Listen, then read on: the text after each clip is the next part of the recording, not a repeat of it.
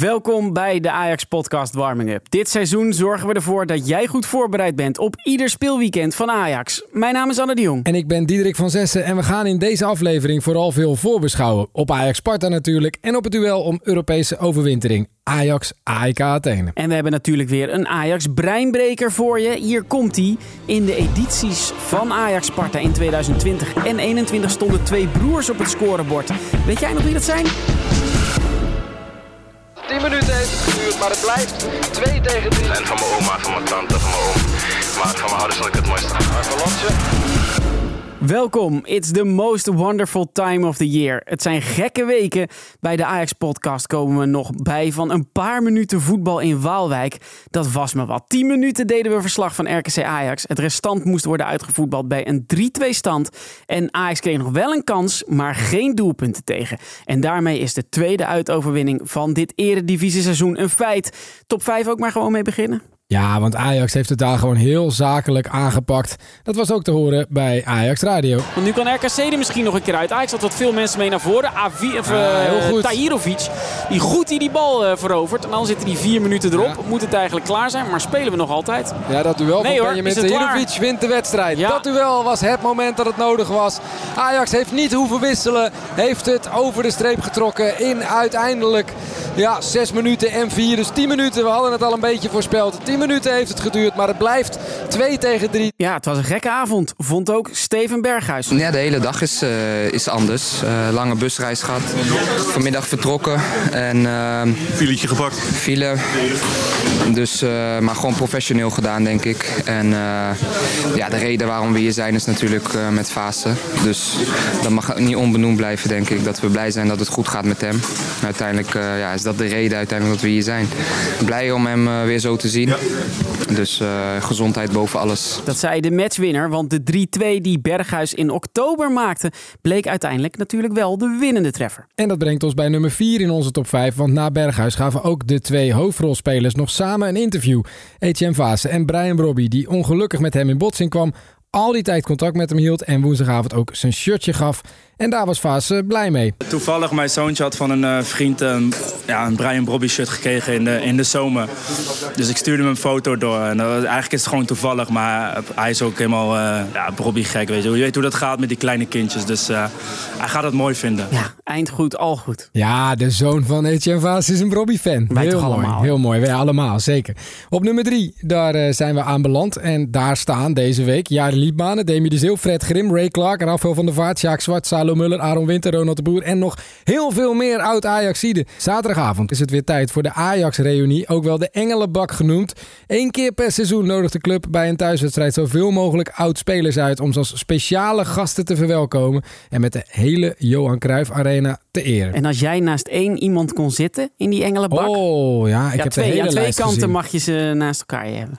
Nou ja, ik denk toch dat ik Sjaak Zwart altijd aan, Ja. mijn, aan mijn zijde wil hebben bij een wedstrijd van Ajax. Dat is rechterkant en dan Eh, links. Dat, dat kan niet anders. En dan links, ja, Jari Liedmanen. Ja, en, ja, of Ronald de Boer en Jari Liedmanen. Want Ronald de Boer, eh, heb, daar heb ik ook een, echt een zwak voor. Aanstaande zaterdag is het dus weer zover. Dus als je naar Ajax Sparta gaat, kijk dan goed naar vak 108 om ze te spotten en toe te juichen. Ajax 1 speelt donderdag thuis tegen AEK Athene. Straks blikken we daarop vooruit. Maar op dezelfde avond komen ook de Ajax vrouwen in actie. Zij spelen uit tegen Bayern München.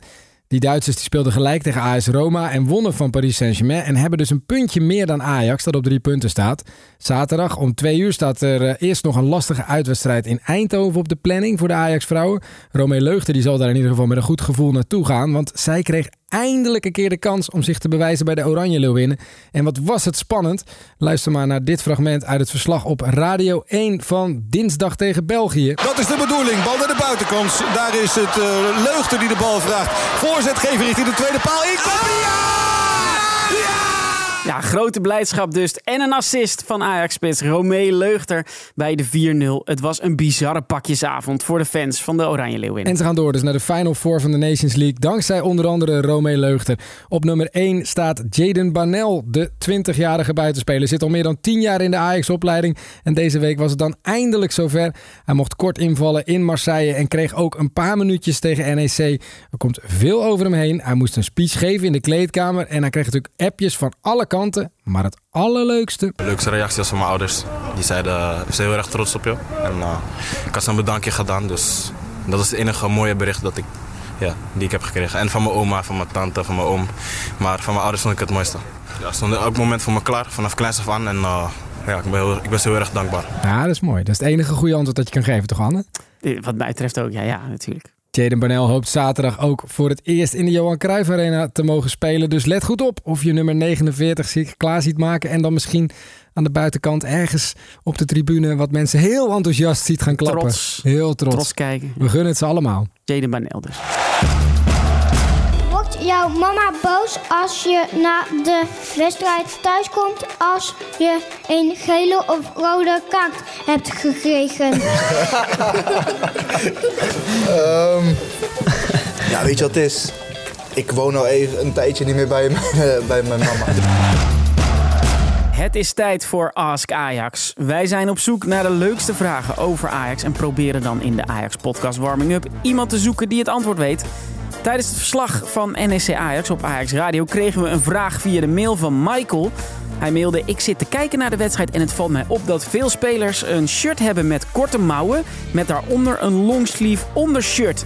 Eerlijk gezegd vind ik dat eigenlijk wel een vreemd gezicht. Waarom hebben ze niet gewoon een shirt met lange mouwen?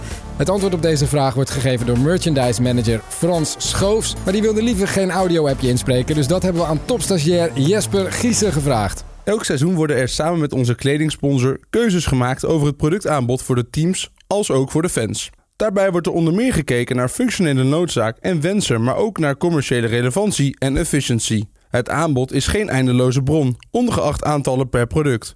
De vraag naar lange mouwshirts was laag en met de komst van functionele onderlagen is een alternatief voor lange mouwshirts ontstaan.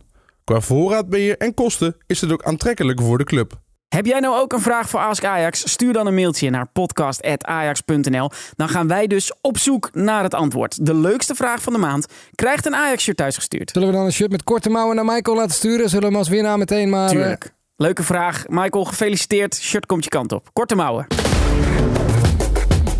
Laten we ook vooruitblikken op de wedstrijden van Ajax 1. Om te beginnen met de wedstrijd van zaterdag, Ajax-Sparta. Ja, in die wedstrijd moet de thuisploeg het natuurlijk weer stellen zonder langdurig geblesseerde Sievert Manswerk en Branko van de Bomen. Ook zijn er wat twijfelgevallen. Mika Gods is er sowieso niet bij. De Belg raakte geblesseerd toen hij met de jong Ajax tegen Den Bosch speelde.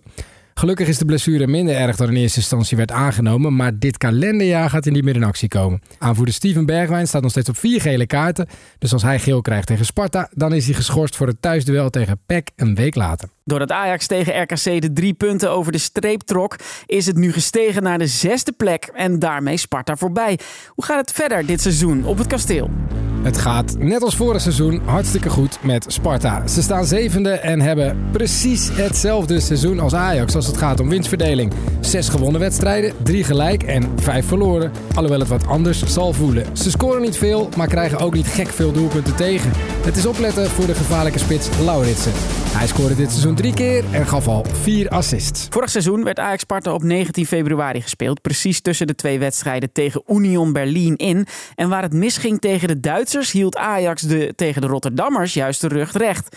De wedstrijd eindigde in 4-0 en vooral het derde doelpunt zal veel Ajax erbij blijven. Niet omdat het zo mooi was, maar omdat deze benutte penalty voor Dusan Tadic zijn honderdste doelpunt voor Ajax betekende.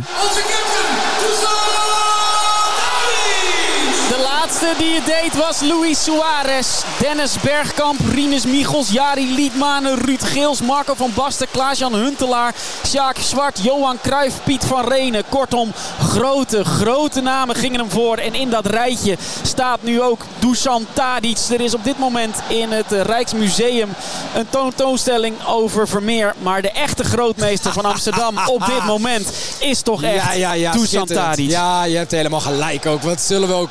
Prachtig, Dusan Tadic. Hij schiet hem overigens in de linkerhoek. Hij schoot hem in de linkerhoek. Wat was dat mooi natuurlijk. Ajax won twee keer met 9-0 van Sparta. In december 1985 nam Marco van Basten Ajax bij de hand.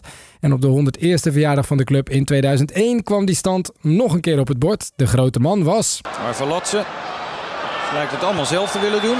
En doet het ook zelf. En hoe? Met het linkerbeen 9-0.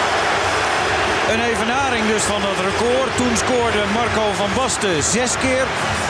Arvelatse maakt er voorlopig vier. Opvallend detail is trouwens dat hij niet tot ajax ziet van de wedstrijd werd verkozen.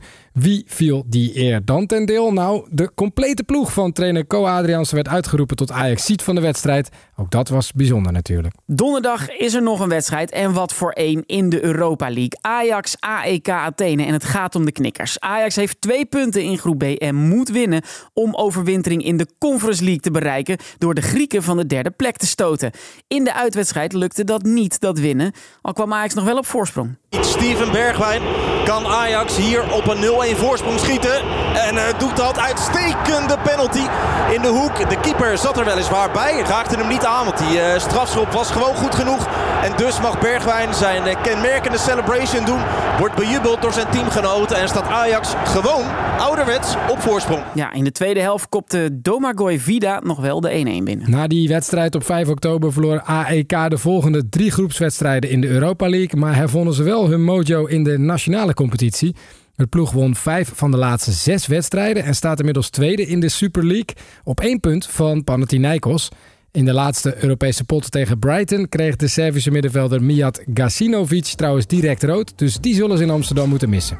Bedankt voor het luisteren en blijf nog even hangen voor het antwoord op de breinbreker. Ben je nog niet geabonneerd op deze podcast? Doe dat dan via je favoriete app en vergeet niet een recensie achter te laten. Reageren op deze podcast kan ook altijd via podcast.ajax.nl. En je kan daar ook nog terecht voor een stadionverzoekje. Want voor de wedstrijd aankomende zaterdag gaat stadion DJ Marco een verzoek draaien van een van onze luisteraars. Dus zit je wel eens in het stadion en denk je mijn avond zou net beter worden als die ene parel van Hazes komt? Engelbewaarder. Engelbewaarder, waarom niet? Dit is je kans. Podcast.ajax.nl. Vraag je plaat aan. Hoor je hem zaterdag in de arena? Eigenlijk moet je dus niet Engelbewaarder of Hazes doen, want die komt sowieso wel voorbij. Ja, Nou, dat is dus. natuurlijk de truc om iets te nemen. Diamanten. ja, iets, iets wat helemaal jouw liedje is. Herres. Of van jou en je vader. Of, ja. Dat kan. Eh, stuur ook de motivatie mee. Podcast.ajax.nl Het programmaboekje van Ajax Radio dan. Let op, want we zijn er drie keer komende week. Zaterdagavond, kwart voor zeven, trapt Ajax af tegen Sparta. En aankomende donderdag dan kun je de hele avond naar Ajax Radio luisteren. Dan spelen eerst de vrouwen uit in München om kwart voor zeven. En diezelfde avond om 9 uur kun je op Ajax Radio luisteren naar het liveverslag bij Ajax AEK Athene. Tune in via Juke, Ajax.nl of de Ajax-app. Ja, dan nog de vraag die we aan het begin stelden. Welke twee broers stonden bij de edities van Ajax Sparta in 2020 en 2021 op het scorebord? Het is een beetje een instinker deze keer, want ze scoorden namelijk wel voor de twee verschillende clubs, Ajax en Sparta dus. Maar de expert die wist dat het ging om Ryan, die scoorde in januari 2020, en Denzel Gravenberg. De oudere Gravenberg maakte op 21 februari 2021 twee doelpunten in de Johan Cruijff Arena. Ajax stond op dat moment al wel 4-0 voor. Het werd dus 4-2. Tot volgende week.